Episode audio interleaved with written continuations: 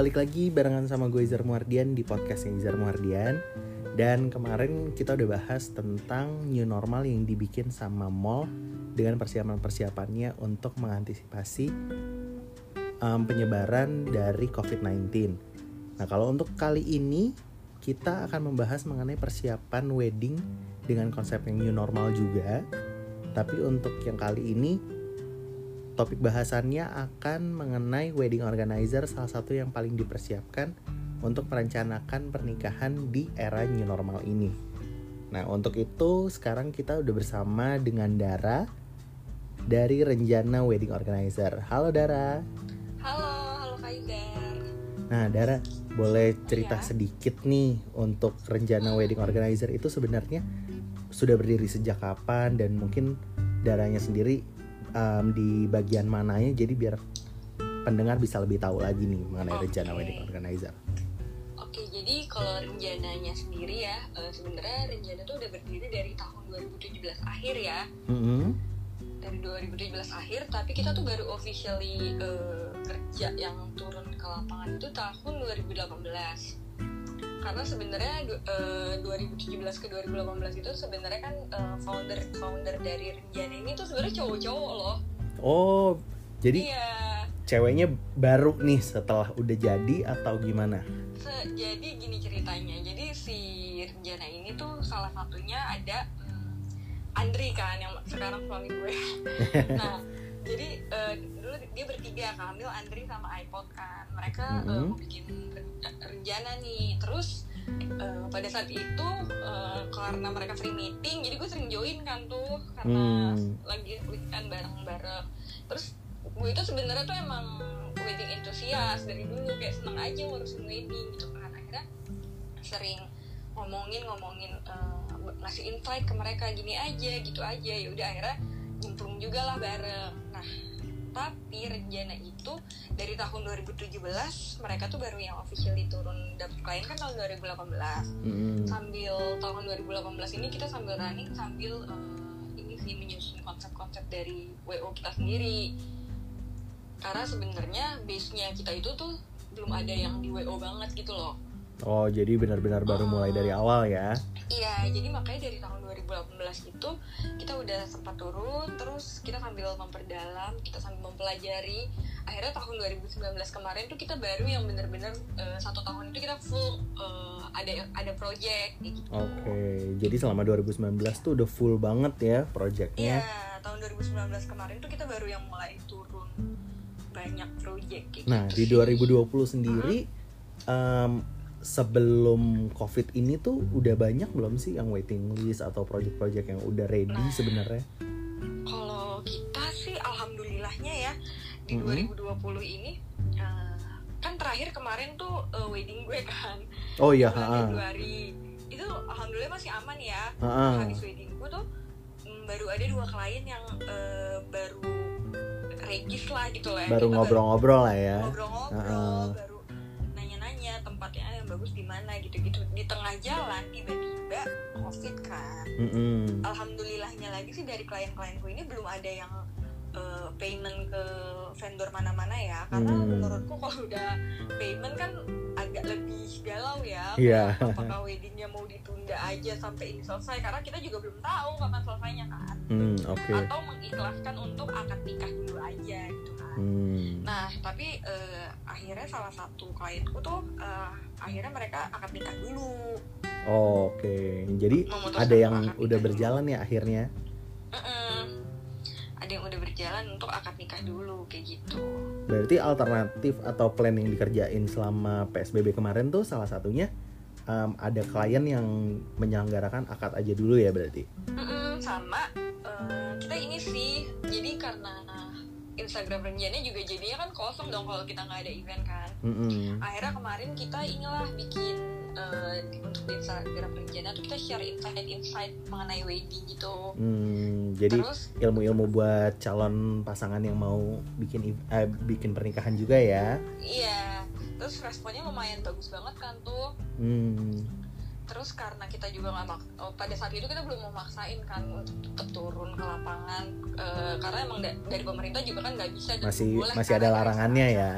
Iya, terus setelah kemarin uh, akhirnya uh, kita karena dari insight-insight itu banyak uh, responnya bagus mm-hmm. akhirnya kita bikin deh uh, wedding platform terbaru under rencana ini untuk saat ini sih sebenarnya kita masih di Instagram aja ya mm-hmm.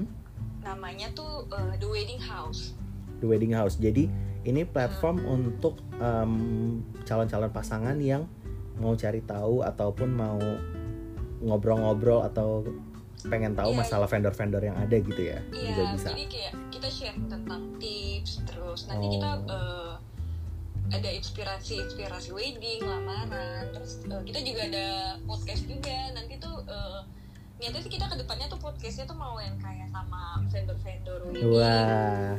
terus kita kayak bener-bener mau ngebahas nih nanti kayak uh, tentang wedding adat tuh uh, pokoknya mau yang kayak seluruh Indonesia tuh kalau bisa tuh kita temuin nih uh, si spesialis spesialisnya kan, ya uh, uh, karena kan itu banyak banget dan mm -hmm. ternyata tuh berbeda banget loh dari Jawa ke Sumatera kayak gitu dan itu menurutku menarik sih karena kan pada saat ini juga uh, para pasangan-pasangan yang mau nikah tuh udah mulai banyak ya yang tertarik sama pernikahan tradisional ya. Iya, karena adat istiadat kita kan banyak ya di Indonesia. Mm, -hmm. nah, kalau banyak yang masih belum tahu cuman taunya oh pernikahan nasional kayak gini tapi kalau benar-benar ada tuh harus ngapain iya jadi betul. nanti akan dikupas tuntas di podcastnya Rencana nih berarti oh wedding house ya iya. ya bilangnya uh, podcast wedding house berarti nanti oke jadi ditunggu ya nanti untuk podcastnya wedding house berarti okay. diajak-ajak juga dong ya untuk bikin iya pasti pasti kita sama kak Izar ya siap Nah terus juga kal kan kal mulai dari tanggal berapa ya kemarin? Dari tanggal 8 ya. Dari tanggal 8 Juni kemarin sampai uh, eh, 15 Juni itu udah mulai diberlakuin PSBB transisi kan kemarin. Ya, nah, di PSBB transisi ini kan udah ada kebijakan dari pemerintah khususnya Jakarta boleh mengadakan akad nikah di uh, dengan di luar dari kantor urusan agama ya.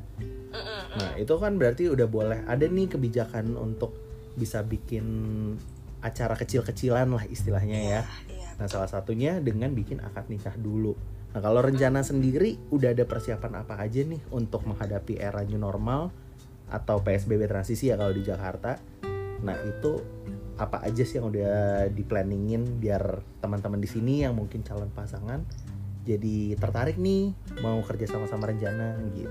Nah, kalau kita saat ini sih kita persiapannya udah kita coba bikin protokol baru ya di lapangan hmm, seperti hmm. nanti pastinya tim kita wajib pakai masker, sarung uh tangan. Terus format acara juga harus mengikuti protokol PSBB kan.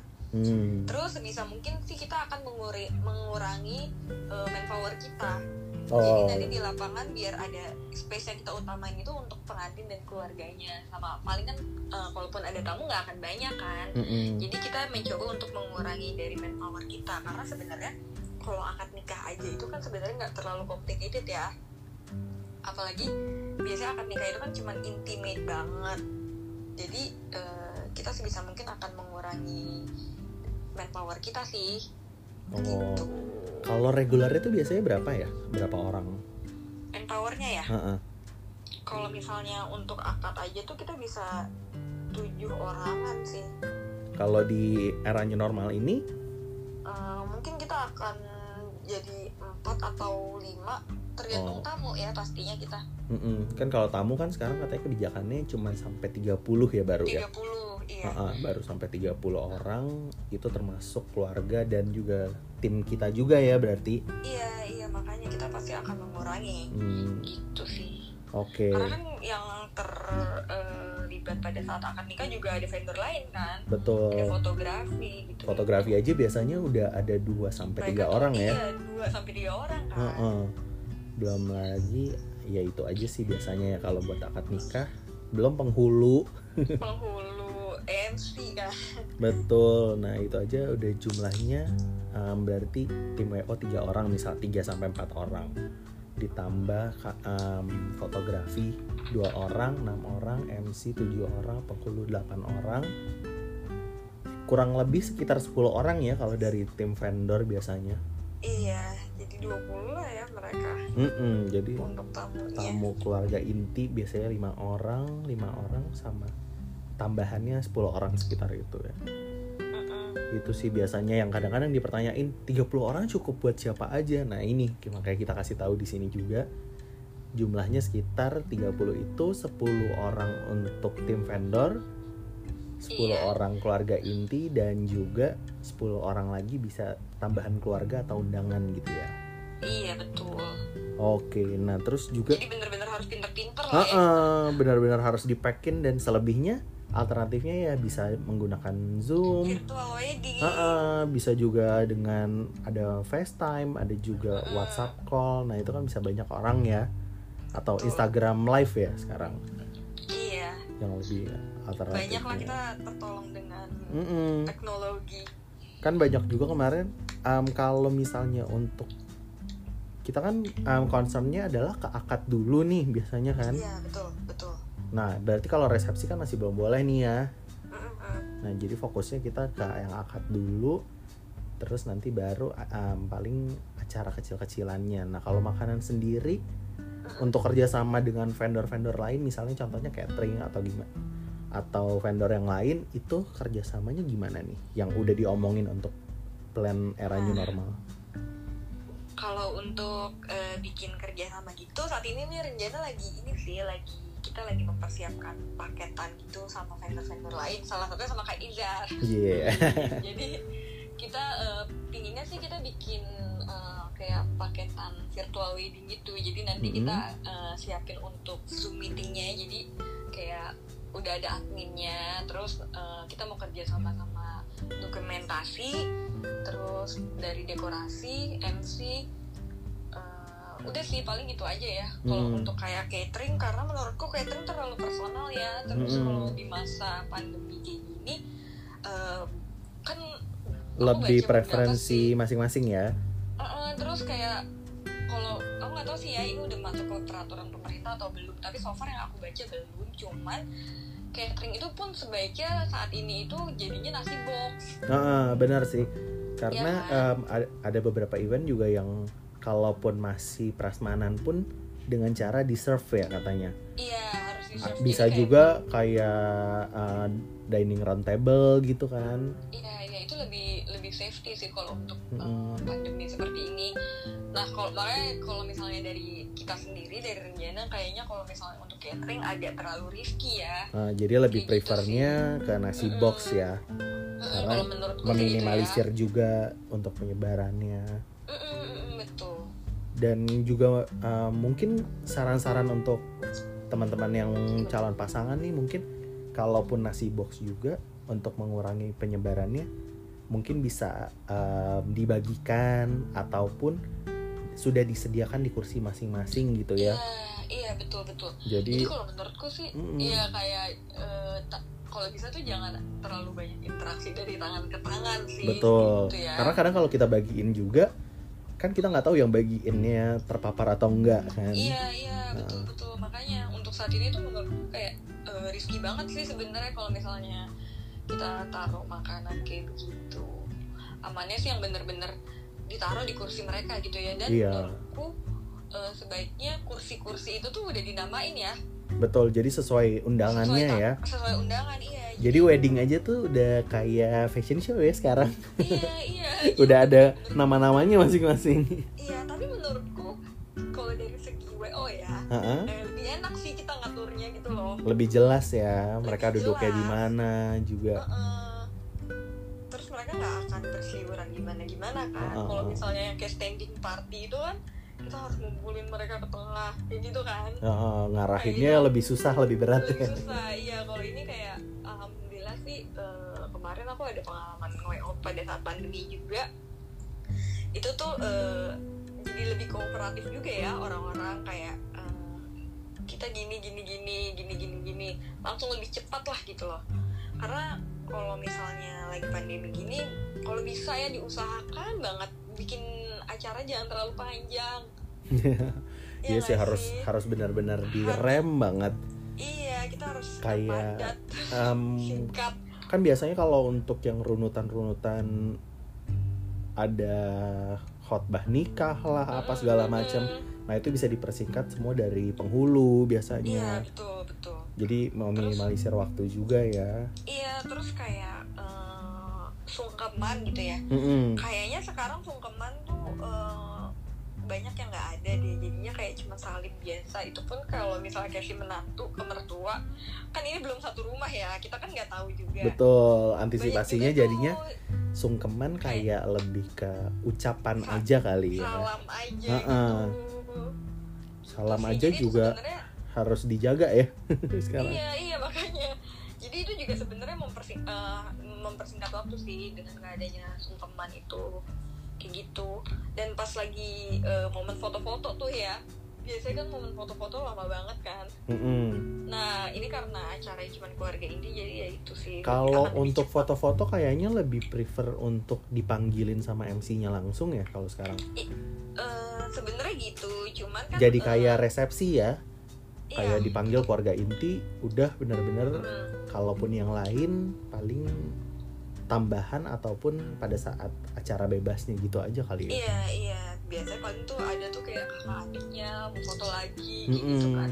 Itu tuh biasanya eh, kita lebih mempercepat mempercepat gitu menurutku yang penting sih kita eh, taat peraturan terus ya itu jangan terlalu berlama-lama ya di dalam ruangan satu ruangan itu.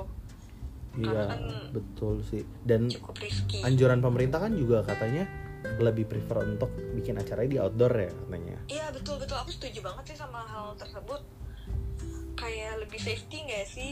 Kalau misalnya di luar ruangan tuh sirkulasi udara lebih ini kan lebih bagus gitu kalaupun kalau kayak di gedung-gedung atau di hotel gitu bisa gunain pool partinya atau gimana gitu Iya, ya. iya.